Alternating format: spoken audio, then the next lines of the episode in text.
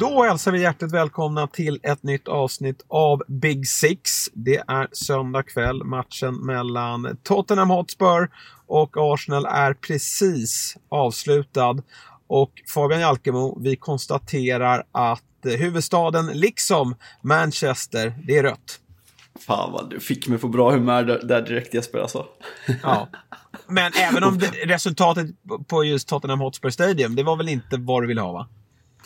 Alltså, jag... Nej, det var det väl inte. Man, man måste ju faktiskt våga drömma. Det var någon som skrev, något United-supporter från, eh, från, eh, från England som skrev eh, att man skulle vilja att Arsenal vann för att vi ska säkra Champions League. För att det är löjligt att tänka att vi ska vinna ligatiteln. Men nu när vi har ja, men de här raka stegen så är det klart man måste våga drömma lite. Det har man inte gjort på väldigt länge. Och jag måste bara säga innan, innan vi drar igång och snackar fotbollen att jag, jag har fan glömt bort hur ja, men hur, hur, hur mycket måendet påverkas av att ens fotbollslag eh, gör att man känner bra känslor. Att man vinner fotbollsmatcher, att man är bra, att man börjar tycka om spelare.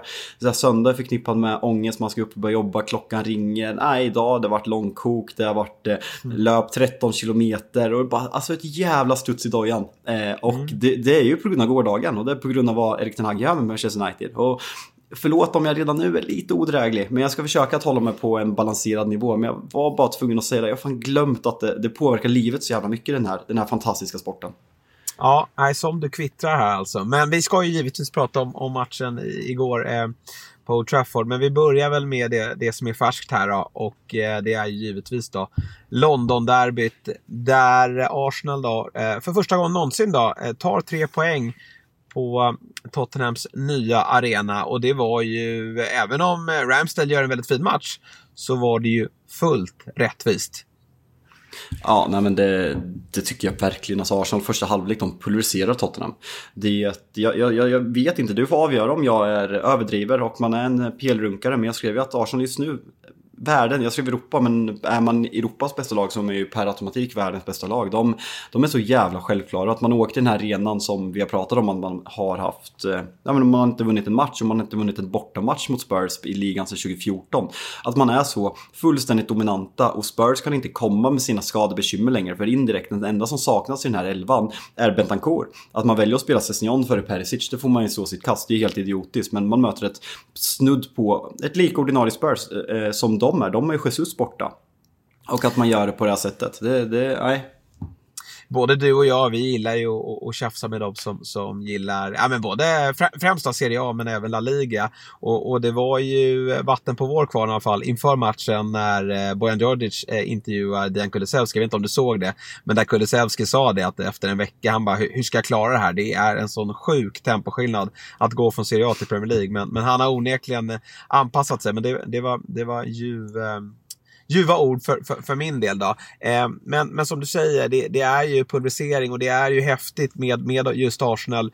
Hur de kliver in i den här matchen. Eh, för, för alla där ute, även om vi har ändå slagit fast i den här podden att vi inte tror att, det kommer, att de kommer att falla igenom. Sen, sen kan det vara som så att City är, visar sig vara bättre i slutändan. Men eh, jag, jag tycker att det är Eh, det, är för enkel analys att göra. Bara att man säger så här att äh, men Arsenal ska inte kunna vinna ett guld. Därför så, så kommer de att, eh, eller de ska inte kunna vara så här bra. De kommer att klappa igenom. Men, men har man sett Arsenal, vilket vi gör vecka ut och vecka in, då vet man att det är ett, ett ruskigt bra lag. Men samtidigt vet vi också vad, vad, vad nerver eh, kan göra med ett lag. Och jag ska inte säga att det drar ihop sig, men när eh, största eh, utmanaren då, Manchester City igår eh, förlorar Manchester-derbyt, då skulle man kunna tro att det är ett Arsenal som, som kliver ut med, med lite demoner på så sätt att de kanske är lite försiktiga och, och slår vakt om, om, snarare går för ett kryss och låter Tottenham föra matchen och, och, och kanske är lite försiktiga i sin gameplan. Men eh, istället för det då, så blir det ju så som jag faktiskt sa inför matchen, att vi har sett ett Tottenham som har enorma problem i första halvlek och ett Arsenal som bara går ut och kör. Men jag tycker det är jäkligt häftigt att man går ut och gör det derby på bortaplan. Den här, den här självklarheten och det här trycket som Arsenal kan skapa. Eh, det, det, är jäkligt häftigt att de, att de står för det i, i den här typen av match. Och, och man får ju även utdelning. Jag hade ju kunnat vara, vara en större ledning i paus. Men, men 2-0 är väl ändå tillräckligt och, och, och, det är någonting man även håller i andra halvlek. Även då som sagt om, om Spurs har en del lägen i, i, i den, eh, framförallt i den andra halvleken. Då. Men nej, det, det är som självklarhet i, Ars, i allt Arsenal gör. Och, man ska väl, ja, man, man, man, vi vet att City ska möta Arsenal två gånger. Det är liksom, halva ligan har spelats. Det kan hända väldigt mycket. Men det ser otroligt bra ut för, för Arsenals del. Det är som du säger, den här självklarheten bortaplan med historien som finns. Alltså att man, man gör det. Och vi har ju pratat jättemycket om att Arsenal har suktat efter ledare på planen, folk som tar kampen. Och det är bara att kolla på den här situationen som är, som är efter slutsignal. Alltså Ramsdale, han har ju, man, man ser ju inte, man ser att, att uh, Richarlison knuffar på honom och sen så går han och ska hämta sin handduk och får den här sparken i, i ryggen som vi såklart eh, förkastar. Eh, man, mm. Hets ingår i fotbollen med sånt där, han lär ju hamna i fängelse för det när de identifierar honom. Men man ser så här, Ramsdale, det är ett sånt jävla svin. Xhaka, Arteta får ju liksom springa och ta, ta livtag om honom för att han inte ska springa och spöa på någon spörspelare som kliver på Ramsdale när de ska fira med fansen. Och det är det här som Arsenal har stuktat efter. Nu har man den fantastiska kvaliteten tillsammans med att de här utskrattade vissa av spelarna har blivit sådana fantastiska ledare på planen för det här, det här fantastiska fotbollslaget. Och det, det är svårt att se men det är ju näst, det, det är till och med så att jag som motståndarsupporter, jag, jag tycker att det är fruktansvärt underhållande att kolla på Arsenal. Jag kan verkligen uppskatta sättet man har gjort det på. Sen absolut, vissa kommer säga ja men de har värvat för lika mycket som i stort sett alla andra klubbar. Det, det är inte en billig trupp och nej det är det inte men man har fortfarande värvat så kallade okända spelare eller inte etablerade spelare, exempelvis Ben White, man tog någon från Brighton, man tog Ramsdale från Sheffield United. Sådana typer av spelare, inte färdiga världsspelare utan man har utvecklat dem och varit ett lag som har varit utskrattat för bara ja, men 12 månader sedan när man började med tre raka förluster och låg sist i Premier League tills det här är nu och det, det är så jävla häftigt att se och jag eh, sa ju där för några veckor sedan att jag pratade med Pierre, Pierre Tin, han var ju på plats här och man bara såhär, jag vill byta liv med, alltså United är fantastiska, men jag vill bara byta liv med honom. Jag vill bara vara Arsenal-supporter och uppleva det här, för fan vad roligt de måste ha.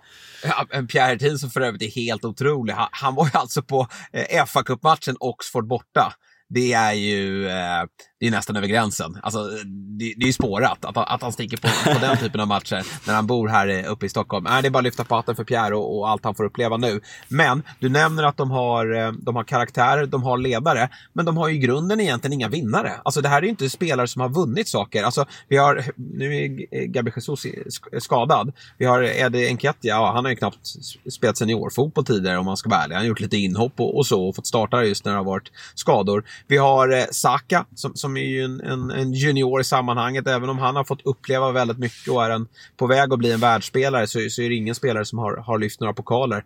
Martin Ödegaard som, som har kaptensbindeln, han är uppenbarligen en, en, ledare. Men absolut ingen vinnare även om han har varit i Real Madrids organisation. Det går ju liksom inte att, att, att eh, ge honom eh, någon, någon, någon, någon cred för vad han Real åstadkom där. Och sen har vi Martinelli som, som kommer väl från den brasilianska tredje ligan. Xhaka och, och Partey Alltså de har ju är, erfarenhet. Partey har ju, Partey har ju en La Liga. Är inte han den enda som har varit liksom bidragande? Ursäkta Jesus, men han har ju inte varit en startande spelare i Manchester City och en, alltså en, en Nej, och det är ju Sinchenko också. Bara, Tom, det, är bara Thomas, det är bara Thomas Partey som har vunnit ja. en respekterad liga i det här laget. Och de, ja, men, går ut som du säger att det vore så jävla rimligt om man är nervösa med historiken med, med att City torskar, att man har chans att gå, att man börjar kolla på tabellen men att man går ut och gör det så här. Det, det, det, säger mycket, jag tror det säger väldigt mycket om Artetas ledarskap. Vi såg ju det i dokumentären All or Nothing på Amazon, att vad han är för typ av person. Och det är många som hatar Arteta för att han, ja, men han är helt besatt av att vinna och man blir ofta jävligt ocharmig då. Men de, de gör ju allt för varandra på, i det där laget och det syns så tydligt både på och utanför plan. Eh, och det är det som gör ett, eh, ja, men ett bra lag till ett fantastiskt lag som Arsenal just nu är. Ja, det är väldigt häftigt att eh se vad som händer eh, just nu och så får vi se om, alltså alla lag ska väl kliva in i en svacka och det har ju faktiskt inte Arsenal haft någon. Eh, och eh, återstår att se hur, hur, länge man kan ånga på. Jag såg det att eh, som, som snittet ser ut nu, då går de, de hade 69 poäng i fjol. Eh, I år går de för 99 poäng om det här skulle fortsätta. Det är väldigt svårt att se, men, men det visar ju en del vilket snitt de har. Och det här, många gånger har jag sett det, kanske inte i Premier League, men i andra ligor så brukar man säga att ah, det här var en svag säsong, topplagen stod inte upp. Det skulle väl kunna gå att sägas eh, till viss del då, med, med tanke på vad vi har Chelsea och Liverpool. Men herregud, alltså det är många andra lag som har steppat upp. Det finns inga lätta matcher i Premier League i år. Så att alltså det Arsenal åstadkommer och, och som du säger, nu, nu, spelar de i Europa League, men, men eh, jag tror, tror många lag är rätt glada över att Arsenal inte spelar Champions League, för de hade ju varit jäkligt jobbiga att, att möta där. Så att, äh, det, det är häftigt och, och, just den här anstormningen i första. Sen kan man även ligga lite lägre och, och Ramsey står för några bra räddningar, men det är ändå känslan är att det, det är ganska god kontroll defensivt också, så att de, de kan ju eh, ta sig an matcher på, på, olika sätt. Det var ju Newcastle de hade bekymmer med. Det, det, det, det försvaret fick de inte hål på, men eh, de har eh, Edin jag tycker jag har visat att han han sköter det här bra. Sen, sen, tycker väl jag kanske att man är lite tunna i andra halvlek. Skulle väl kanske behövas ytterligare någon spelare som, som att, att kunna slänga in och återigen, dyker upp fler skador, ja men då, då är man lite tunna. Gabriel Jesus kommer väl tillbaka snart. Men ja, nu gick man ju miste om eh, Mudrik här och vi, vi ska ju prata mer om honom senare. Men, men ja, det är svårt att, att, att missa den, det, det ämnet. Men, men eh, jag tror inte att Arsenal lägger sig på latsidan här, utan jag tror att man man fortsätter att jobba på andra namn. För den här möjligheten, den, den går ju inte att missa. Och det var ju ett annat läge i fjol kan jag tycka, då det också var snack och, och då struntade man i att, att, att värva in. Men, men den här gången så tycker jag faktiskt man ska ta tillfället till akt att göra värvningen i januarifönstret. Just av den anledningen att det, det kommer spelas Champions League på Emirates nästa år och då behövs det en, en, en bättre bredd oavsett. Men det är en helt annan situation nu kontra för en månad sedan, alltså innan VM-uppehållet. För då, man var väl fem poäng före City. Eh, man trodde ju inte på riktigt att man, alltså alla trodde att City skulle vinna. Till och med Arsenal-supportrarna, nej men vi tar inte det här seriöst och det är lite skyddsmekanik, absolut. Men nu är man på något sätt favoriter att vinna Premier League. Eh, och förlåt Arsenal-supportrar, men ni är det. Det är er titel att förlora nu, så är läget och då måste man chansa. Jag börjar ju känna, jag är ju på något sätt hyllat att United tar in Weghorst för att man ska tänka långsiktigt, men hade Arsenal förlorat idag, Eh, och vi ska åka till Emirates nästa söndag och kan gå upp på samma poäng med en match mer spelad, då kan man ju på något sätt känna fuck, vi borde satsat alltså. För Weghorst är ingen spelare som man ska vinna en titel med. Men i den där situationen i Arsenal, man, man kan satsa för att eh, öka bredden, man måste tänka långsiktigt, men för att öka bredden för att få in spelare som kan göra det bra redan i vår, för man är favoriter. Ja, eh, guldracet, jag håller med dig. Arsenal favoriter just nu. Det är deras, deras titel att förlora. Men eh, i och med då att City och Arsenal ska mötas två gånger så, så lever det ju absolut.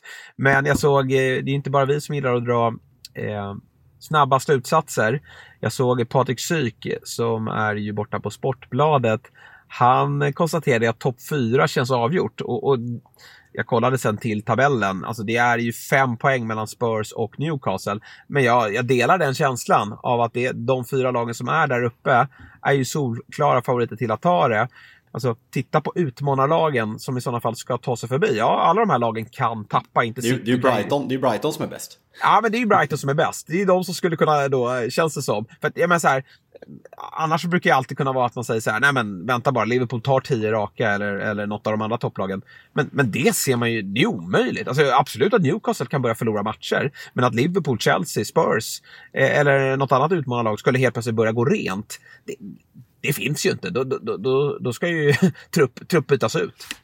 Vet du vad jag reagerar mest på när du säger det där? Hur är det fysiologiskt möjligt att Tottenham är fem poäng bakom Newcastle. Alltså Newcastle ja. känns som de har vunnit 15 raka, raka matcher.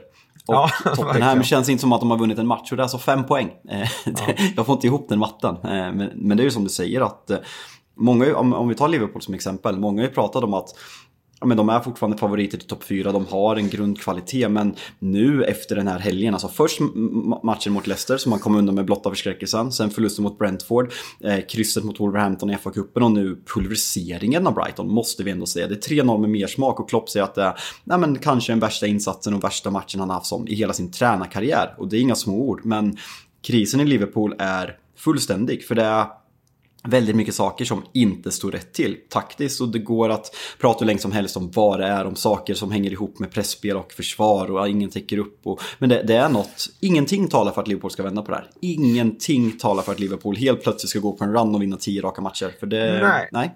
Och det gäller ju Chelsea och Spurs också. Alltså Spurs mm. har ju ett bättre tabelläge. Alltså i teorin så är det ju, ju, fem poäng upp och de har väl fem poäng upp till United också. Men United har en match mindre spelad. Det, det är ju inte mycket. Men eh, att det ska ske så som, så, så, som insatserna ser ut. Alltså Spurs är ju, i varje match känns det ju 50-50. Och, och, förutom när de möter topplagen då, då, då eh, då är ju känslan att de alltid ska förlora.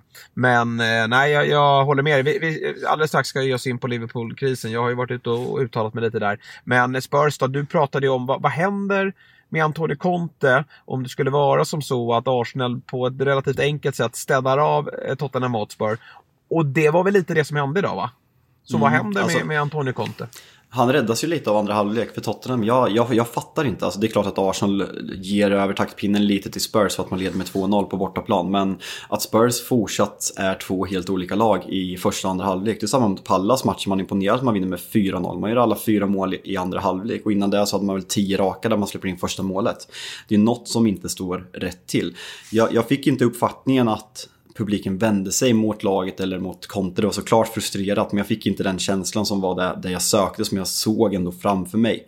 Men jag måste ändå säga att det här Spurs är ett trasigt fotbollslag, ett felbyggt fotbollslag. Jag tycker man visar det i match efter match. Och eh, känslan jag har nu att man kanske ska ta ett omtag och börja om. För det finns förutsättningar, det finns en arena, det finns en träningsanläggning, det finns ekonomi. Conte är inte rätt man för det här Tottenham. Conte är inte rätt man att förändra det här. Engvinsson gör kanske en av de största floppsäsongerna, halvsäsongerna som jag har sett. Alltså att man går från att vinna skytteligan till att vara så fruktansvärt jävla usel. Så där måste man ta ett beslut. Tror man på honom, men det ska man eh, ta in pengarna när man kan. Och eh, jag... Eh, Harry Kane, jag börjar mer och mer känna att han spelar Manchester United efter sommaren. Eh, och det kanske är bäst för alla, alla tre parter i den, i den historien. Ja, Eh, Erik Niva var ju inne på det också. Han hoppades väl på, på Bayern München, men eh, ja, när du säger det och, och med tanke på vad, vad United också saknar så är det ju eh, kanske inte otänkbart att det, att det blir så. Men gällande Conte, alltså, Arteta visar ju någonstans vad långsiktighet och tro på en tränare kan innebära. Men jag, samtidigt är ju Conte en tränare som, som brukar få resultat på, på sina metoder ganska snabbt. Arteta har ju liksom fått bygga om ett, ett lag och inte haft eh, det i närheten av ett lika färdigt lag som, som eh, ja, Arteta när han tog över Arsenal så, så han har ju fått bygga om det. Så det går inte riktigt heller att, att bara säga att det, det ska vara att han behöver massa år på sig här för att bygga ett nytt slagkraftigt Tottenham. Det, han har ett bra lag här och nu och uh, det måste se betydligt bättre ut än vad det, än vad det gör. Och det blir eh, spännande att följa då med, med, med utgående kontrakt och som sagt stjärnor som man kanske måste göra eh, annat med. Jag tycker att Dejan Kulusevski gör en pigg match. Jag tycker att det är, nej men det är han, han och Kane som, är, som, som leder den här offensiven. Lite oskärpa kanske vid vissa eh, ja, men inlägg och, och annat, men jag tycker ändå att det att han är bra och är ju ett, ett konstant hot mot Arsenal, men, men hade ju gärna fått göra skillnad i, i äh, via ett mål och, och äh, någon assist. Men, men det ville sig inte riktigt från hans sida idag. Men, men eh, pigg är han ju och han, han, jag bara hoppas att han får vara skadefri. Det, det är ju Rick Harrison och, och, och sånt som får turas om och, och, det är nog bra om Son får, får kliva åt sidan här ett tag nu. Jag vet inte heller vad som har hänt med honom. Det är ju en personlig favorit men äh, det är, det är inte formsvacka längre. Eller jo, oh, det kan det ju vara, men, men det, det, är en, eh, det har pågått alldeles för länge för att man liksom bara ska tro att det ska lossna i nästa match. Det är eh, ett problem för Spurs för att han är ju så viktig och, och eh, även om Kane har levererat så har ju Kane gjort betydligt färre assist i år och det är ju för att han har ingen att slå fram dem till längre. Men det är de här matcherna som Son har varit så fruktansvärt bra. När man möter höga backlinjer till lag som vill vara spelförande. Vi minns ju alla hur Spurs har straffat City historiskt. Det är för att Kane droppar och slår den till Son i djupledet och till Dejan. Och det, när Son inte gör det så tappar Spurs sitt farligaste vapen de senaste åren. Och jag måste bara, när vi är inne på det här med Vissa säger att, ja men kolla vad som händer med Arsenal när man har, har tålamod med Arteta. Och eh, jag tycker att det är en av de mest slitna klyschorna som finns i fotbollsvärlden. För jag tycker verkligen att, det har jag sagt, ja men alltid i stort sett, att jag tycker att från dag ett så man har sett någonting i Arsenal. Och det gjorde man med Jürgen Klopp i Liverpool också. Man såg någonting. Även om man spelade 2-2 mot West Bromwich och körde vågen. Man släppte in massa mål. När man fick in van Dijk, när man fick in Allison och Salah. Då liksom gick det här laget som man såg tendenser på. Som släppte in väldigt mycket mål men gjorde väldigt mycket mål till ett av världens bästa lag. Samma sak med Arsenal. Man har sett tendenser hela, hela tiden. Det har varit jävligt mycket plattmatcher men det har funnits saker. Sen jämför folk exempelvis med Ole Gunnar Solskär att man, man måste ge honom tid. Det, det, det, har aldrig funnits något i Ole Gunnar Solskär och som nu, det är klart det finns någonting i Antoni Conte men det här Spurs under Antoni Conte kommer aldrig kunna utmana om ligan.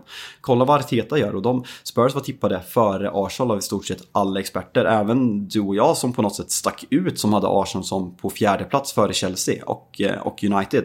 Så just den där att man, man måste ge folk tid. Jag, jag köper inte det. Man ska ge folk tid om det finns finns tendenser att bygga på. Finns det inte det så är jag för att nej, sparka tränare tidigt. För jag tycker att man, man det historiskt sett, men som Frank Lampard nu, ska ge honom tid. Det finns ingenting där.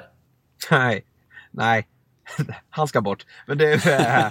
Äh, en som inte heller skrev alla, det. alla, ska, alla ska bort. Fan, vi kommer komma ja, in på jag det. Gillade ju, jag gillade ju Petter Landéns tweet eh, igår. Såg du den? Det var, det var ja, stora ja. spark eftermiddagen. Fyra tränare som kunde få sparken. Och det var verkligen eh, det var riktigt bra. Klopp, även om det, Klopp inräknad. Ja, Klopp inräknad, det var ju lite kul. Men, men eh, en som ska få sparken, det är Hugo Lloris va? Nu, nu, nu är vi färdiga. Nu, ja, men... nu får det räcka. Ja, det får du faktiskt göra. Eh, kan, kan de skicka honom i januari eller? Det är nästan... Nej, och han är kapten också. Det är så också så jävla problematiskt att han ska vara det. Ge tillbaka bilden till Harry Kane bara så, så är vi klara med det. Men, men Spurs måste, det kommer inte hända något nu och, och dörrvakten Forster är ju inte bättre. Men, men eh, jag tycker väl någonstans att det i, i, i sommar så blir det ju såklart viktigt för dem att gå ut och leta efter en, en ny första målvakt för att eh, han är gammal, han är inte tillräckligt bra och det kostar dem för, eh, för mycket helt enkelt. Men du, vi släpper, vi släpper derbyt, North London Derby. Vi konstaterar att det är eh, det ser fruktansvärt bra ut för, för Arsenal. Och så kan vi väl ta oss till eh, redan nämnda då, Brighton och Liv Brighton-Liverpool. Eh, 3-0 och vi får väl börja hos bortalaget där det är... Eh, det är inte heller lite samma diskussion som Son då, det var en, en, spelare, men, men nu det är inte formsvacka på Liverpool. De eh, har spelat, vad har vi spelat 20 omgångar nu va? Ja, just det, det är några som har, som har försvunnit bort där, men, men alla lag står väl på 18-19. Mm, Liverpool ja, har, har, 18. har gjort en match, en bra match i år. City hemma. ja, kanske jag ska skicka över mig till Anfield mer så, så att de börjar leverera. Nej, men på något sätt är det så. Och, det är väl så. Och det här var ja. ju, det här var inte ens, eh, ja, finns väl några godkända matcher där också, men det här var ju förmodligen det, och det säger man ganska ofta, man tar till de orden, men det här var det sämsta man sett. Men eh, det här eh, kunde ju slutat med betydligt större siffror. Totalt ja, överkörda. Och det känns som att man konstant sitter och har den här debatten. Vad, vad beror det på? Är det Manés presspel? Är det att Thiago inte har kommit in? Är det att Henderson är äldre och inte täcker upp för Trent? Är det att man saknar Gini Wijnaldum? Är det att Bobby Firmino inte lika bra som när han spelar falsk nio i den där rollen? Har Salah tappat? Har van Dijk tappat? Jag, jag, jag vet inte. Men det är något inställningsmässigt. Det, det, är inte lika, man förlorar ofta att man inte tar mest, man har varit överlägsna i, i England i flera år i att ta mest maxlöpningar. Och nu är man inte ens, jag tror typ man ligger på elfte plats. Och det är en jättestor anledning, men vad beror det på? Att man, att man gör den säsongen man gör förra året, den våren är bland det bästa jag någonsin har sett som Liverpool gör. Man, man förlorar inte en match och, en, och nära på att vinna the lot, som, som man säger i England. Och sen att det går så här fort. Och eh, Daniel Forsell som har eh, LFC-podden tillsammans med, eh, med Robin Bylund skrev en tweet som jag tyckte var jävligt, jävligt träffande. Det värsta med hela förfallet är att det gått så jävla fort. För åtta månader sedan eh, var vi nära på att vinna exakt allt vi kunde. Det gör det både svårare att hantera, acceptera och förstå. Och jag förstår verkligen att man känner så som Liverpool-supporter. Och eh, om vi tar bort eh, hantera och förstå, acceptera också i och för sig, men, eller förstå. Om vi tar bort hantera och acceptera, för jag ska vara helt ärlig, jag njuter. Men jag har svårt att förstå det. Ja, nej, jag, jag förstår inte heller, även om vi har sett ett klopplag falla ihop så här tidigare faktiskt. Det får vi inte glömma. Att det var, det var men då var Nej. det väldigt lätt att peka på skador. Det är ju skador nu också, men nej, inte alls samma utsträckning och inte på lika viktiga spelare heller. Men, men efter guldet, ja det har vi tjatat om så mycket här. Och då, då trodde man ju så här kan Klopps lag hämta sig? Alltså, kan de få tillbaka energin? Och så började man titta på Dortmund, vad som hände där i slutet. Brintiden är över. Finns, inget energi, eh, finns ingen energi kvar i ledarskapet. Men Liverpool tog sig tillbaka och gjorde ju en brutal... Det går inte att alltså, Nu blev ju inte utfallet så som Liverpool-supportrarna hoppades på när man klev in i april-maj. Det blev bara, bara två titlar och de, de minst eh, attraktiva titlarna. Då.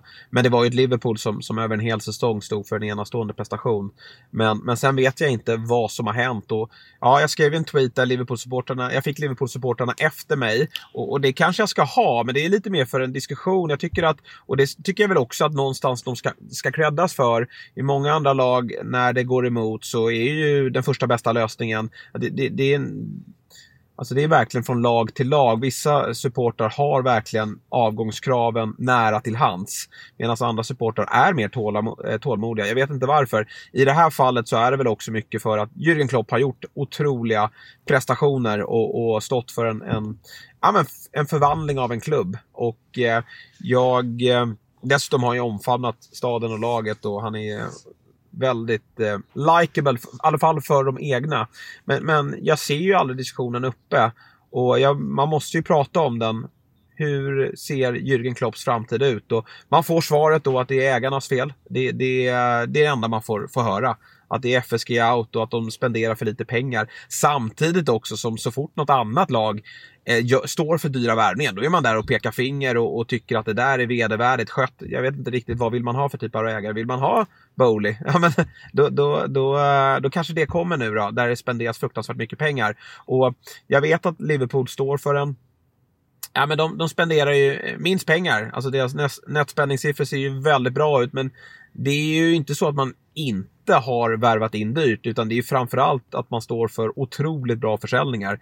Har ju alla undrat hur, hur de har lyckats sälja alla de här Jordan Ibe och, och, och, allt vad de heter. Och Coutinho var ju fantastiskt men, men gick ju väldigt dyrt. Man, man har sålt väldigt dyrt eh, under alla år och det har då finansierats i spelartruppen. Och liksom, hela Jürgen Klopps gärning är väl att han lyckas trolla med, alltså det är därför han, man, man, ser honom som en av världens bästa eh, tränare och, och, kommer att göra under en lång tid. Men det är väl för att han är bra på att kräma ut mycket ur ett lag. Och det gör han ju inte nu. Alltså han får ju inte ut någonting av det här laget. Och då ska man peka, peka på spelare. Ja, men då hör man från alla Liverpool-supportrar att det är Fabinhos fel. Han, han är lätt att, att göra till syndabock.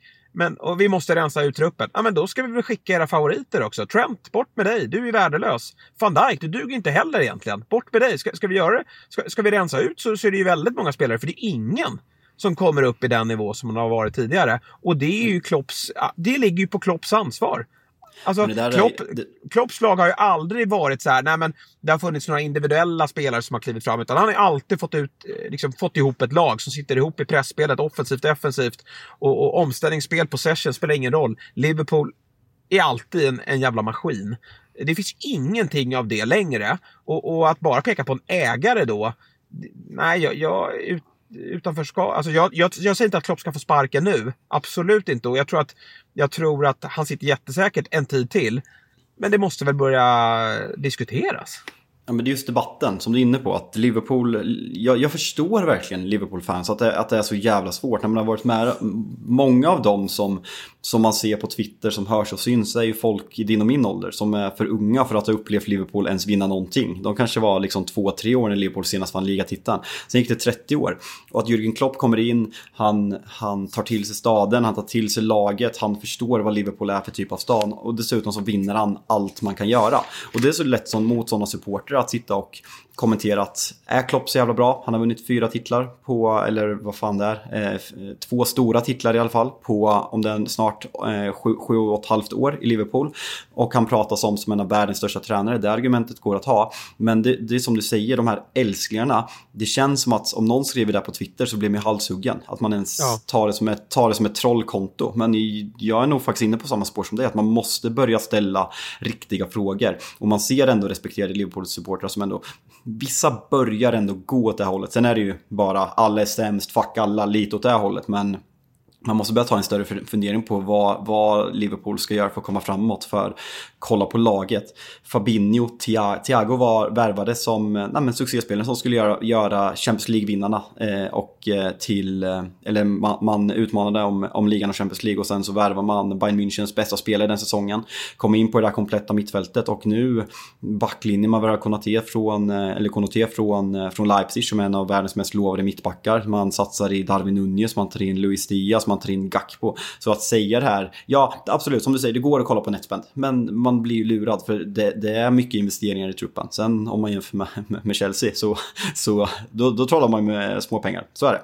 Men eh, att, att, bara peka på ägarna, att till slut så blev det nog att Klopp inte kan göra allt med inga resurser. Det blir felaktigt för man har resurser och man har en jättedyr och en jätte jättevärd trupp. Sen har Trent egen produkt, Robertson värvades för 7 miljoner pund. Ja, men det är ju länge sedan. Alltså man ska ju fortfarande ha förväntningar på dem som två av ligans absolut bästa ytterbackar och det är ingen av dem nu. Och van Dijk inte van Dijk och Matip är inte Matip. Det är ingen spelare på plan. Det är Alisson. Alisson kanske har sin bästa säsong och eh, Robin Bylund skrev där förut, han, Liverpool hade legat på nedflyttsplats om man hade typ Hugo Lloris i mål. Och så, så illa är det fan, för Alisson är deras bästa spelare och de ligger nio efter halva omgången. Säsongen. Ja, nej det är... Ehm, det är galet faktiskt. Och, ja, man får motargument. Men kolla på Klopp, han har ju trollat. Ja, men han trollar ju inte längre. Alltså, då får man väl ta in någon ny som trollar då. Alltså, det, det, någonstans måste vi ju... Jag vet vad han har åstadkommit. Jag fick någon meritlista där och, och, och tillsammans med dem i Netspend. Och det, det är fantastiskt. Alltså, Klopp har gjort det helt otroligt bra. Och återigen, jag säger inte att han ska sparkas här och nu, utan jag, i och med att han har liksom fått fart på, på en upplaga som såg döende ut. Alltså han, han har räddat en, en, en, en, patient på dödsbädden tidigare. Så ska han väl få säsongstarten även nästa år till att, att bevisa sig. Men, men en svag start där och, och, skillnaden nu är ju att det är några andra topplag va, som ser riktigt jäkla bra ut. Vi har redan pratat om Arsenal och, och, och, de kommer nog inte bli sämre. Och vi har ett lag som vi ska prata om alldeles strax som du håller på som bara känns som att de har mullrat igång och, och City Eh, som eh, både har en bra tränare och, och, spenderar väldigt, väldigt mycket pengar. De blir nog inte sämre och, och eh, snart har ju Chelsea köpt eh, halva världen. Så det, det gäller ju faktiskt här att, att, att, att få fart på bitarna och, och faktiskt börja eh, ja, men få, få liksom kräma, krama ut det bästa ur den här eh, trasan på nytt. För eh, det är inga dåliga spelare. Jag, jag, tycker att den där startelvan, jag har sett hur bra de där spelarna kan vara. Men jag ser det inte just nu. Sen möter de ju världens bästa Brighton. Det är jag, tänkte, ju... jag, jag, tänkte säga det, nu, nu tycker jag att vi ska gå vidare och prata om det andra ja. laget de mötte. För Nej, vilket, eh, alltså De Serbi, alltså vi, både du och jag hade dålig koll på honom för att man inte kollar på de här, nej men förutom de, man, man kollar ibland ser jag och då, då är det storklubbarna som gäller när, när det är toppmöten. Men man sitter ju inte och kollar på de här mittenmötena så därför jag hade ju noll koll på De Serbi och att han kommer in och på så kort tid gör det här. Alltså kolla vad han gör på Bright med Brighton kontra vad Graham Potter gör med Chelsea på kort tid gällande att se linjer och se tydliga spelidéer och att man får en effekt på laget. Det är ja, men bland det värre man sett i imponerande ja. väg och i ett, i ett, lag som Brighton som har blivit sönderköpt. Det, de är så jävla fina.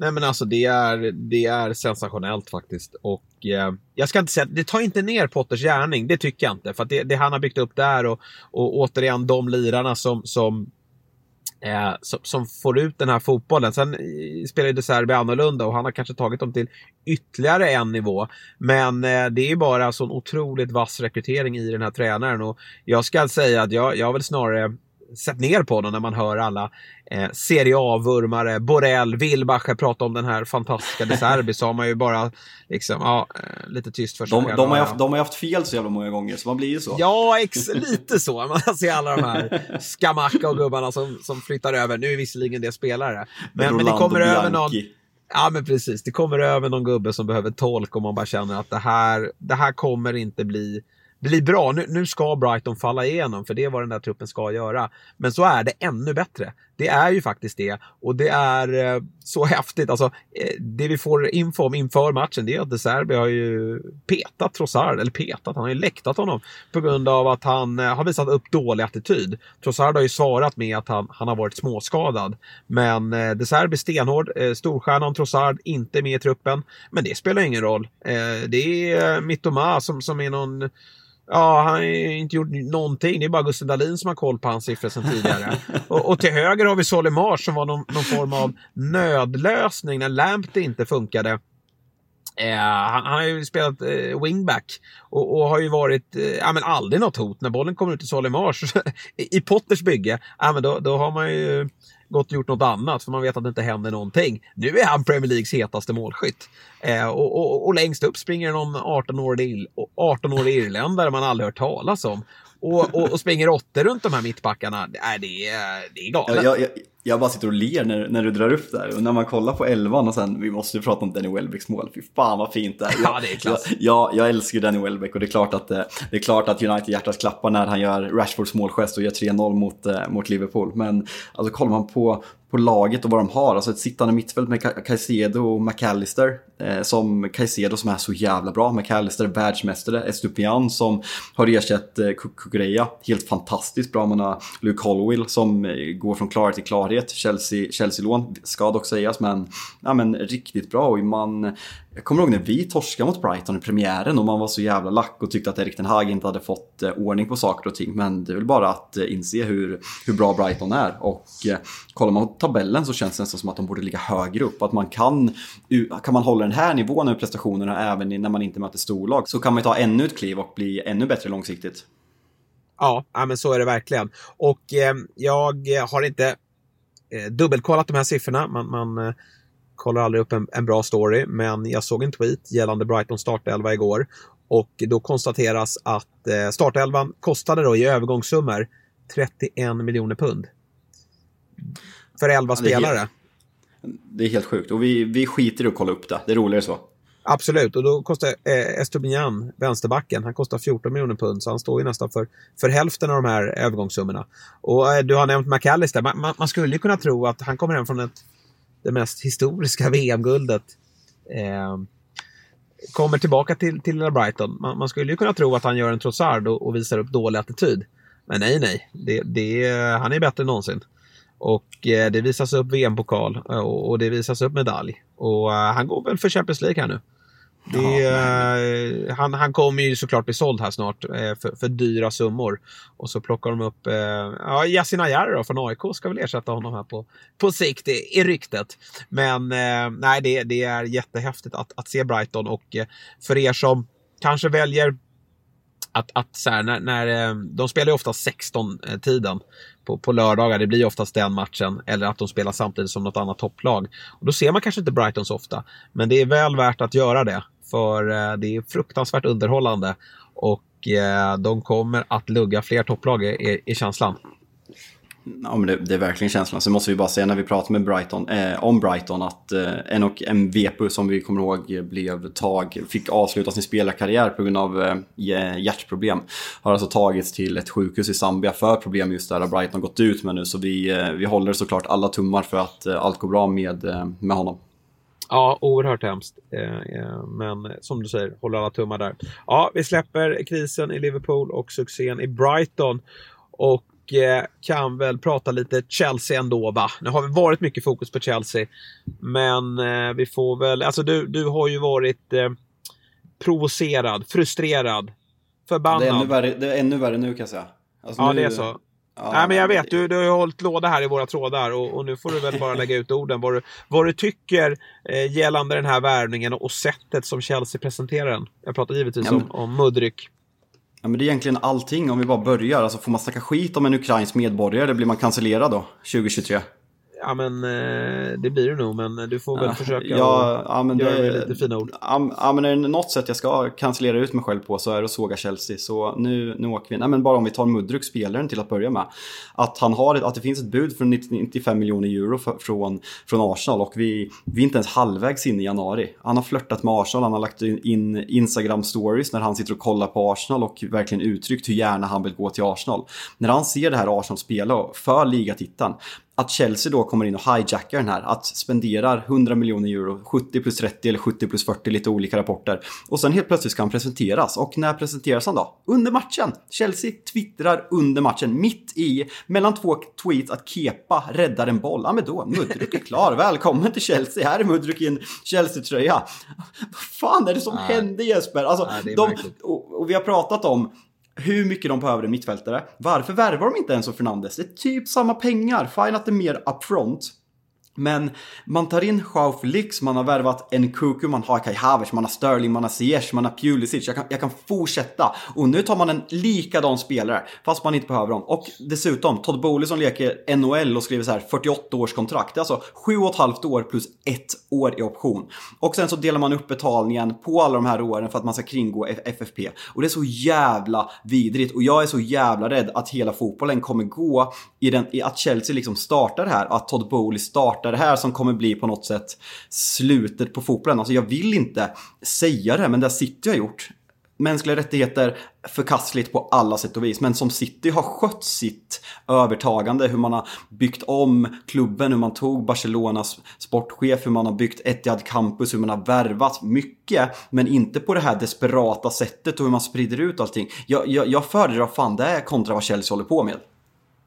Ja, och så återigen det här ogenomtänkta i värvningsfilosofin. Hur man, hur man jagar allt och alla och hoppar in i affärer kring spelare som... Ja, men känslan, det, det är väl klart att Chelsea har, har ett scoutingteam som, som har koll på Mudryk, men, men det är bara känslan att aha, Arsenal vill ha honom. Ja, men då, vi har ju mer pengar, så då, då kan vi bara försöka sno honom.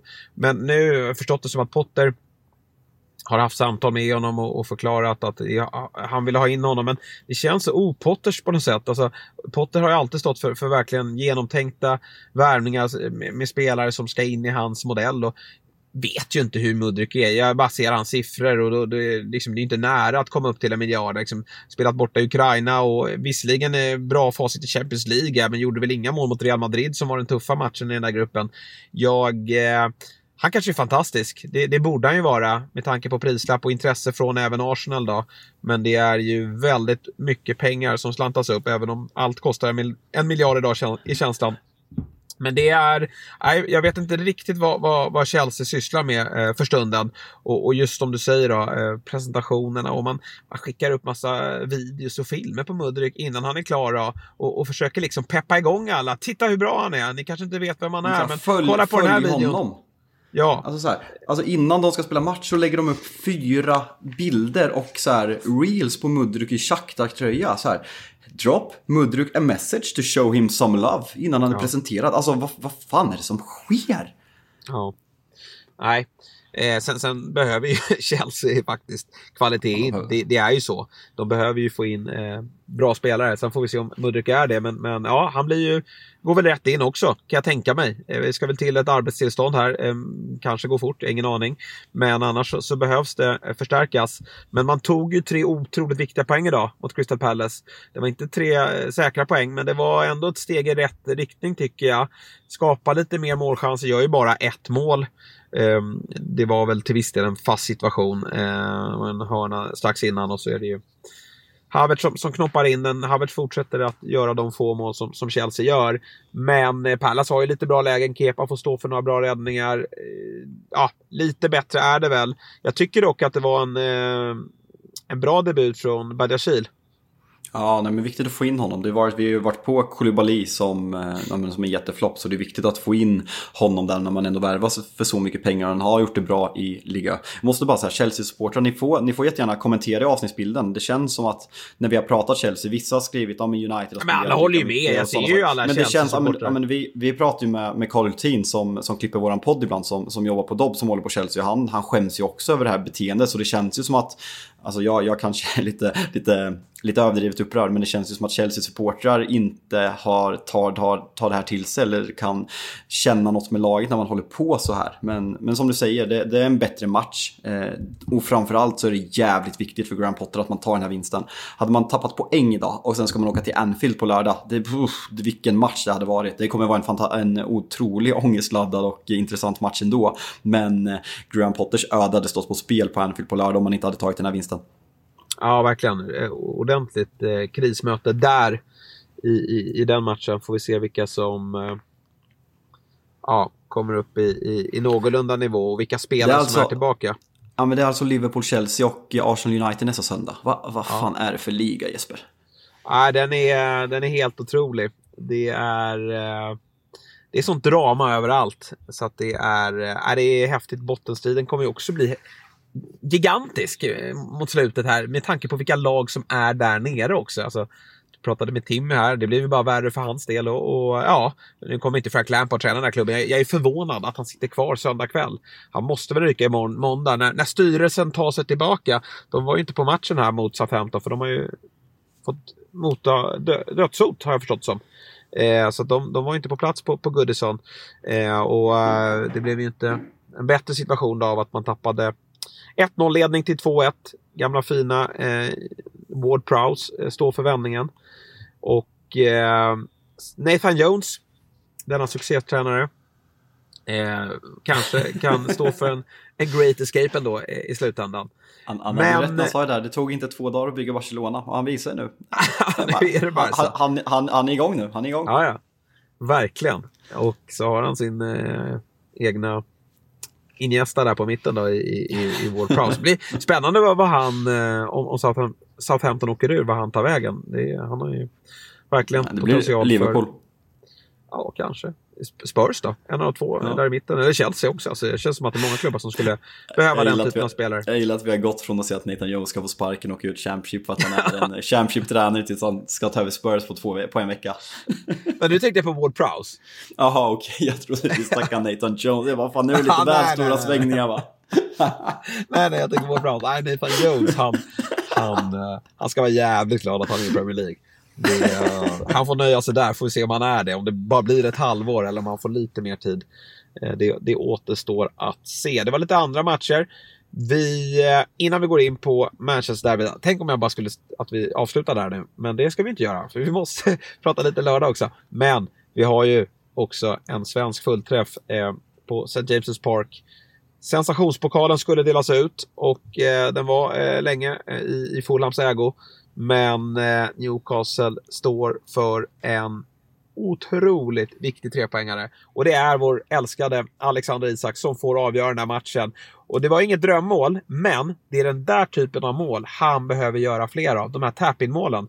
Tycker alltid att det är något form av drömmål nästan. Eller inte drömmål, men det är aldrig de där liksom stå från en meter och, och, bara raka in dem. Men det fick han verkligen göra nu. Och jag tycker att han var pigg i övrigt också, väldigt rörlig, när Newcastle gick för en, en trepoängare.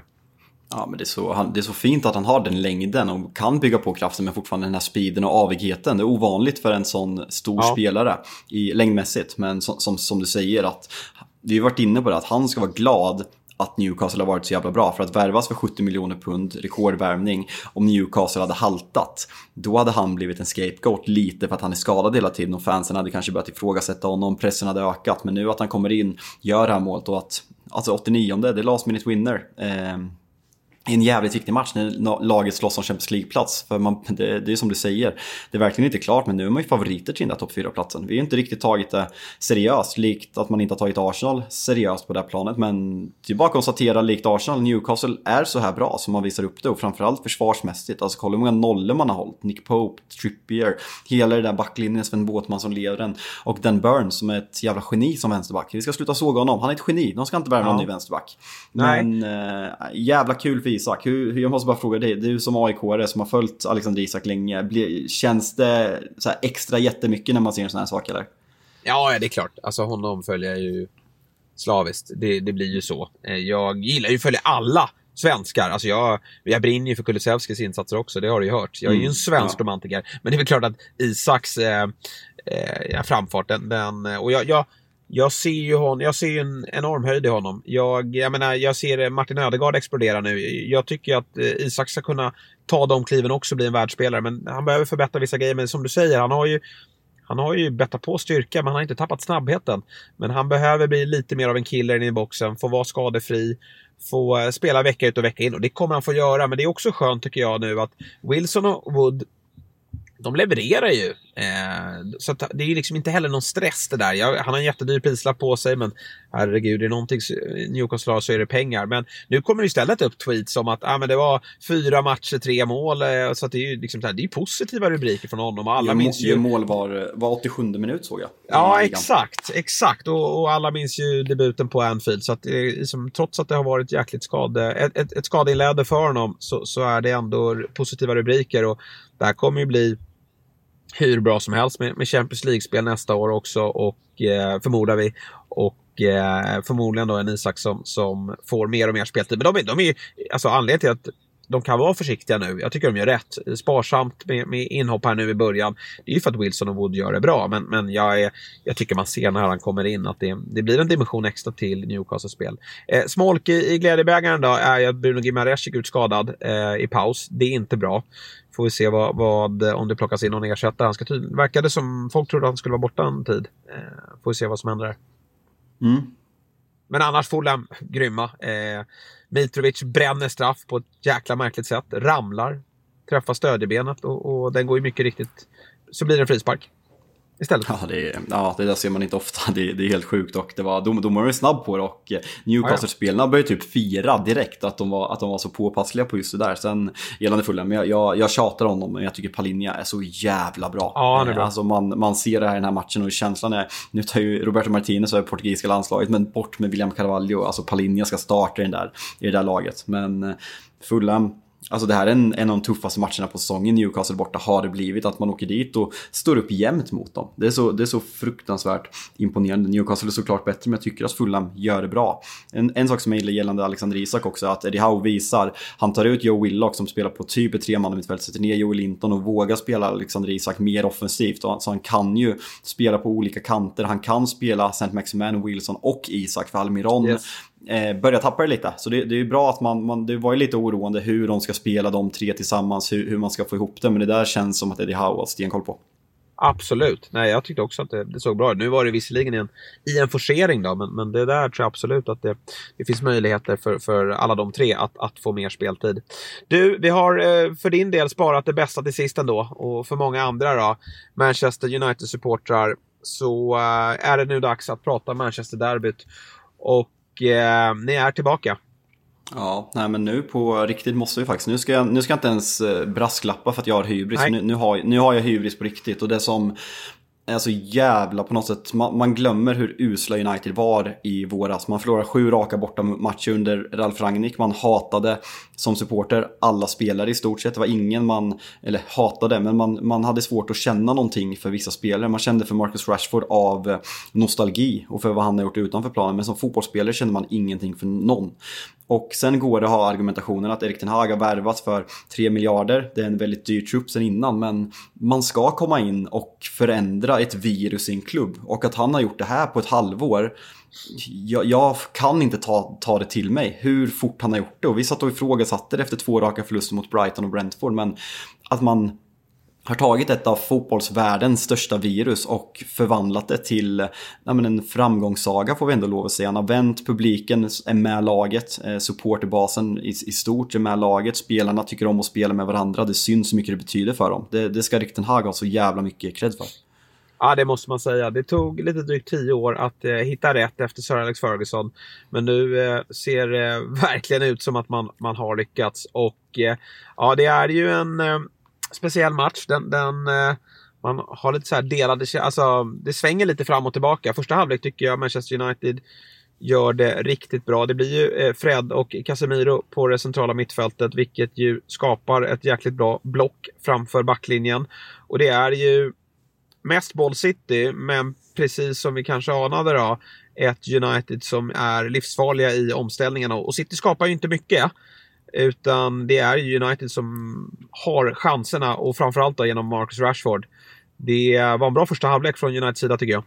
Jag tycker United gör en defensiv komplett första halvlek. Det, det påminner väldigt mycket om när United spelar bortamatch i Europa, eh, i framförallt slutspelet under Sir Alex Ferguson, när man var helt, man rörde knappt bollen men man satte verkligen försvarsspelet och mycket det, där var ju att Carlos Queiroz eh, var ansvarig för försvarsspelet i de här matcherna. Men komplett första halvlek och United är ju där laget, det är två superchanser. Och då känns det lite som att man spelar med en man mindre för Tony Martial skulle ju testa sent, han klarar fitnesstestet men han, eh, han är inte bra i den här matchen och det kändes som att han inte var hundra. Eh, så att man gör den med en, med en halv anfallare tycker jag säger ja. väldigt mycket. Och det, kände, det var ganska tydligt, vi var ju totalt överkörda på centralt mittfält i förra derbyt när vi torskade med 6-3. Och att man då skickade ut Bruno Fernandes lite till höger som vandrar inåt och sen spelar med tre manna centralt mittfält med Eriksson, Fred och Casemiro tycker jag var jätteviktigt. Och Eriksen och Bruno låg mycket på Rodri i uppspelsfasen i första halvlek och Fred indirekt punktmarkerar ju Kevin De Bruyne väldigt framgångsrikt. Men du, det här med att man sätter in Luke Shaw som mittback då, det, det, det blir jättebra. Men är Martinez inte frisk eller? Han, han hoppar ju in och Harry Maguire är där också och Lindelöf är väl också frisk? Ja, alltså Luke Shaw kom ju in efter VM och var så jävla bra som, som eh, vänster mittback. Och Erik Ten Hag vill ju ha en vänsterfotad mittback och Malaysia var jag jätteskeptisk till. Det var ju efter derbyt i, i höstas som han, eh, hans plats rök. Han var ju ordinarie första fem, fem matcherna ungefär. När, när, när eh, eller Shaw startade väl de första två, sen tog Malaysia platsen men efter derby tog Shaw tillbaka platsen. Men skulle kunna vara att Erik Ten Hag drog den här kommentaren. Eh, Varann åkte hem direkt efter VM, såklart lättare när man förlorar men Martinez var inte redo för första matchen och, och Ten Hag hade ju sagt att han förväntade sig att han skulle vara i träning så att han skulle vara med första matchen. Så om det är någon bestraffning, om han ser någonting, jag vet inte. Jag, jag är helt övertygad om att eh, Martinez kommer komma tillbaka där och Shaw kommer ta vänsterbackplatsen men något sånt skulle det kunna vara. Ja, nej, det funkar ju alldeles utmärkt och man ändrar kanske inte på ett, på ett vinnande lag även om eh, Martinez i allra högsta grad var vinnande också. City, eh, man, man känner i första så här att det är, det är någonting som saknas i det här laget. De eh, ser inte, det ser inte bra ut. Det slarvas fortfarande en hel del och, och nej, men man, man, eh, man har väldigt problem att, att ta sig förbi United, ett, ett lågt stående United och även såklart farligt bakåt också. I andra halvlek tycker jag dock att City tar tag i det och, och blir eh, betydligt bättre. Jag tycker att Joao Cancelo, som jag inte trodde skulle starta, eh, gick att känna igen. Eh, Kevin De Bruyne, som jag tycker är, är blek i första, han börjar växla upp i den andra halvleken. Och eh, till slut så får man 1-0 och då, där och då kändes det, kanske inte som helhet, men när det kom målet så kändes det som att det var logiskt. Ja, sitter helt överlägsna. Det kommer väl upp någon, eh, någon statistik efter 15 minuter i andra halvlek att man har 82% boll. Så det var en halvlek med två, helt två olika ansikten. Och eh, United-spelarna låg inte rätt i pressen, man kunde inte hålla bollen i 10 sekunder. Och det, där kände man på något sätt att ah, den här klasskillnaden man ändå trodde fanns där finns fortfarande, även om United är väldigt mycket bättre. Och Eh, målet de gör alltså Kevin De Bruynes aktion där när, eh, när han går om. Det är inte vem som helst som kliver om heller. Nej. Det är Casemiro han kliver in och sen Jack Grealish kommer där eh, i en andra våg. Svårt att försvara mot och det var ju... Det, det ska dock säga, City skapar ingenting. City skapar ingenting Nej. hela matchen. Det är halvchanser, det är så bra blocks när Håland får halvchanser men överlag lyckas man ju inte eh, använda det här spelövertaget till att skapa chanser. Och där ska ju fortfarande United ha cred, även om man är svag i andra halvlek, att man inte släpper till de här chanserna. Men målet, absolut, var rättvist. Ja, nu är det Casemiro han kliver förbi, men, men där har vi ju, alltså Håland i all ära med alla mål han har gjort, men, men han har ju inte förbättrat City. Alltså, City har inte blivit bättre som lag då. Sen, sen är, kan jag inte peka ut att det är Hålands fel, men eh, Casemiro är ju årets värvning. Ja, det, det börjar faktiskt kännas som det. Och eh, det är det som är så jävla häftigt när man ser, vi, vi ska ju prata om målen såklart också, men när, när United gör 2-1, att man ser ja, men Casemiros känslor. Och det, det, är så svårt att ta till sig när man kollar på Rafael Varan och Casemiro. Jag, jag har sagt det tidigare, jag, jag kanske upprepar mig och är tjatig, men jag tycker det säger så mycket om det här United-laget och vad Ten Hag har fört in i det här och vilka professionella fotbollsspelare de här är. För Casemiro har vunnit fem Champions League, Varan har vunnit fyra att det betyder så här mycket för dem. Att de är så besatta av att vinna och tar till sig klubben och tar till sig fansen och firar som de gör. Jag tycker det säger väldigt mycket om hur välfungerande allt är nu. För det hade varit lätt för dem att signat för United, eh, tagit pengarna och liksom spela på halvfart, vilket många har gjort. Men den här besattheten att vinna hos tidigare mästare, jag tror det betyder så fruktansvärt mycket för laget. Men du, eh, du trodde kanske att du skulle komma undan, men vi måste väl ta elefanten i rummet ändå va? eh, för det är ju ett 1-1 mål som har fått eh, ja, det har blivit omdiskuterat. Och, kan man lugnt säga. Ja, och så här då. Det finns väl stöd för målet i regelboken? Alltså det är jätteluddigt. Alla tolkar det ju eh, helt olika. Eh, och jag måste bara börja med att säga att som jag ser på fotboll eh, så det är solklar offside. Alltså det, ja, jag tycker alltså det, nej, det, det, på, det, Då får man ändra reglerna, då måste man vara tydligare. Ja. För det där måste tas bort. Ja, nej, men det är samma som den här situationen vi har pratat om när, eh, när en eh, försvarare spelar aktivt på bollen. För att han störs av en spelare offside så upphävs offsiden och han kan ta vara på det om man inte nuddar bollen tillräckligt mycket. Det, det, är också helt sjukt. Men här, Ederson påverkas för att han tror att Rashford ska skjuta så han står på ett annorlunda sätt. Akanji och Ake, eller vem det är som går mot bollen, vet de att Rashford inte kommer ta bollen så är de först på bollen. Men de tar en annan löpväg för att Rashford går mot bollen. Och eh, sen är det här med regelboken. Påverkar Rashford, det finns inget som heter påverkar han spelet, men Nej, påverkar precis. han motståndarnas aktioner? Och då är det så här, hur mycket ska man gå på att Ederson ta, står på en annan fot? Ska ja. Ederson, eh, jag vet, alltså det går ju inte. Jonas Eriksson skrev ju att enligt honom så är det offside för att, för att just det jag sa, Ederson påverkas för att han tror att Rashford ska skjuta och att försvararna påverkas. Och det är att påverkas, man påverkar försvararna med att ta en löpväg. Så jag, jag, jag landade väl i att jag, jag, jag, jag, sa så här, jag såg matchen med Dennis Kjellin som håller på att sitta och jag, det första jag sa, alltså hade jag fått det där emot mig, jag hade, jag hade kastat glas, jag hade varit vansinnig och det är på något sätt det, det bästa sättet att säga vad man tycker. Jag själv som ja, men, gammal habil division 3-spelare och mittback, jag, jag, hade, jag hade varit vansinnig. Jag hade tagit rött kort om det där hade godkänts. Det, det är klart att det är offside. Det här var ju långt innan VARs tid, men jag har ju åkt på ett sånt där mål. Det var alltså Eh, för, för de som följer svensk fotboll då. AIK-Djurgården 2002 på Råsunda, en match som slutar 4-3 till AIK. Men också ett, ett derby, laddad match. Då är det Anders Frisk som dömer och då är, slår Djurgården en boll. Och då är, tror jag det är Andreas Johansson som... Eh, bollen går mellan hans ben. Men han rör inte bollen, men den går mellan benen och så kommer någon gubbe i djup och dunkar in den. Och ah, folk bara liksom, ah, vänta nu, han, han, är, han påverkar inte han spelet. Alla står ju bara och väntar på att han ska ta bollen. Och då hävdade Anders Frisk efteråt, nej, han, eh, han som slog passningen hade ögonkontakt med han som löpte. Så han började snacka om ögonkontakt. Så det, ja, det, det har hänt förr.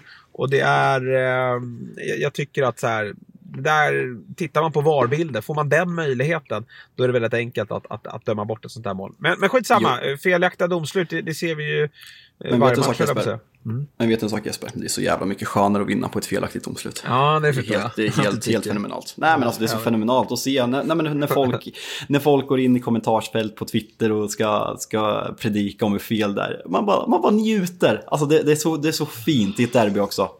Fabbe nu när du var så vettig här och så kommer du med det tillägget. Ja, okej. Okay. Ja, ja, jag vet hur det är. Eh, även om jag håller på annat lag då. Men 1-1 eh, kommer där och det känns ju verkligen som att det vänder mentalt. Och eh, Garnacho som kommer in, han står för en enastående prestation. Och givetvis då är det Marcus Rashford som väl drog baksidan i första. Men, men som ja. eh, spelar vidare och, och, är ju riktigt bra i den här matchen. Och att det är han som får avgöra är liksom det, det, det är så signifikativt för, för läget och, och, och, matchen och allting. Och uh, Manchester United är tillbaka på allvar.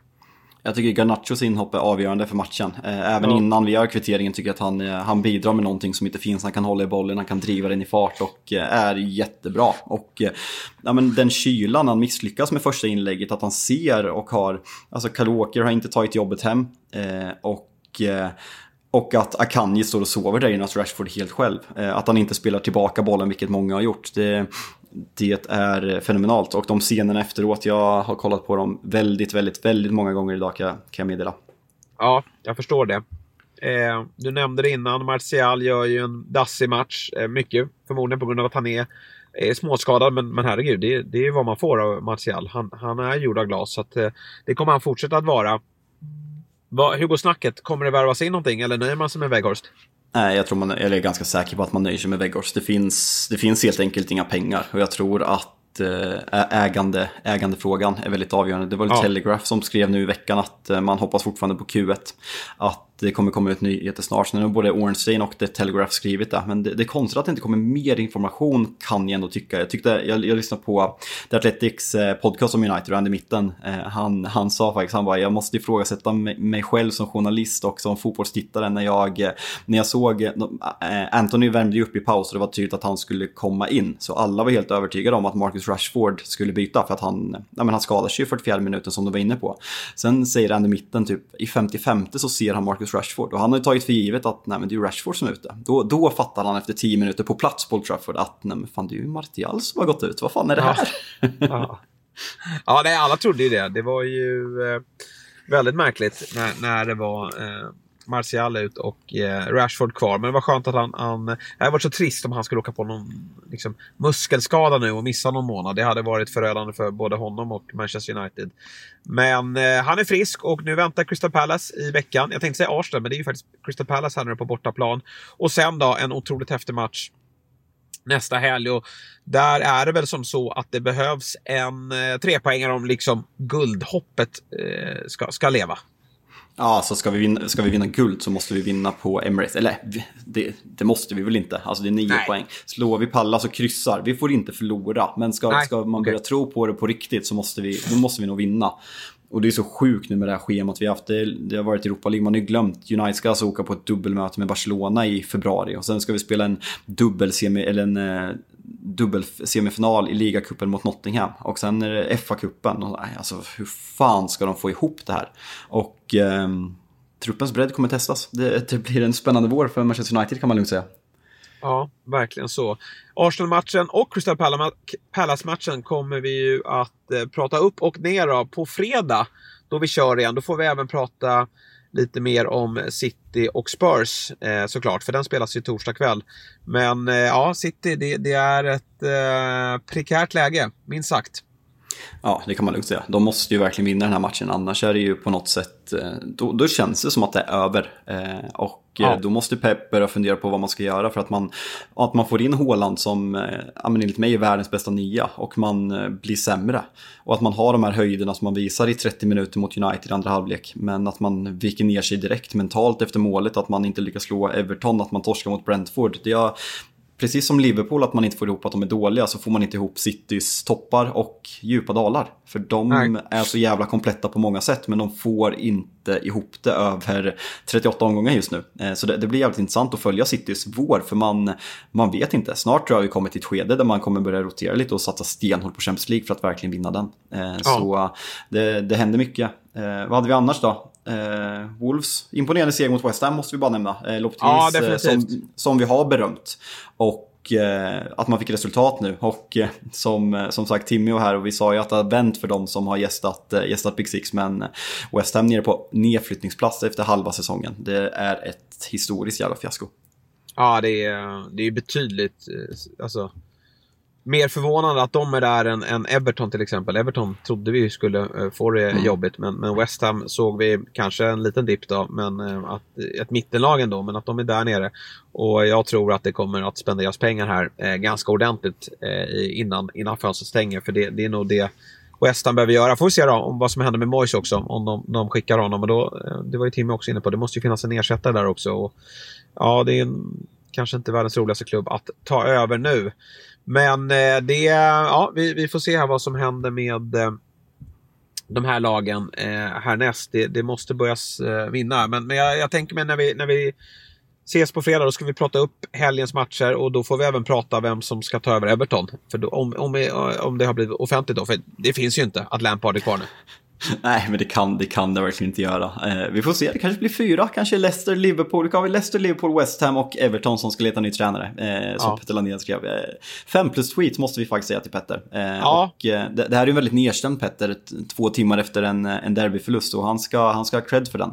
Så fan, man ser fram, men, man ser redan fram emot Men det roliga med Petter Landén, ja. han, han mår ju lite bra av när City går dåligt. För att han, han började ju faktiskt hålla på ett City som har skit. Och han mår ju lite, han, mår inte, han, han köper ju inte riktigt Eh, Qatar-kulorna som har klivit in här.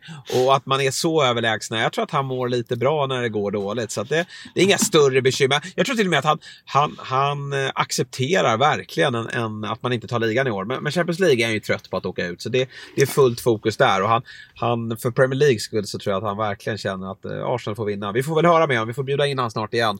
Och, ja, och höra vad, eh, hans tankar kring det Eh, resonemanget. Men du, det här var ju en trevlig timme. Du var ju eh, lika glad som jag hade förväntat mig. Får vi se om det är det efter Crystal Palace då, eh, som spelas onsdag va? och Spurs torsdag. Det pratar vi om på fredag och så pratar vi upp eh, helgen som kommer då också helt enkelt. Ja, fan eh, vad fint det är med Midweeks. Alltså att de bara kör. Att vi, vi sa att det var jobbigt att de ställde in när drottningen gick bort, men vi fick ändå lite fotboll och nu klämmer de in Midweeks direkt efter jul. Så uh, får fan inte nog av Premier League-fotboll nu. Och som sagt, förlåt om jag har varit lite, lite odräglig, men ni måste förstå att jag, jag har mått piss i åtta år. Jag, jag måste passa på att njuta. Ja, det gör du rätt i. Eh, jag skulle lägga till det snart med skit igen, men det tror jag inte.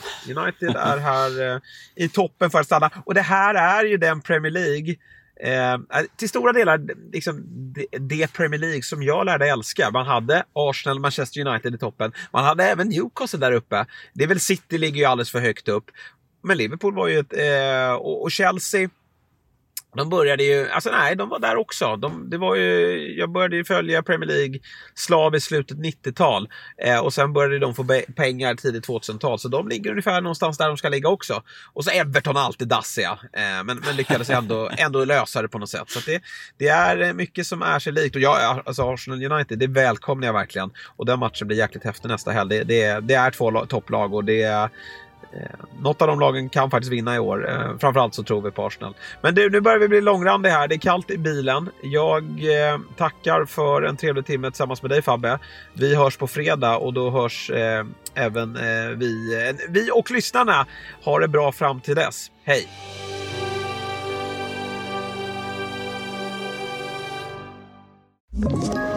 Ett poddtips från Podplay.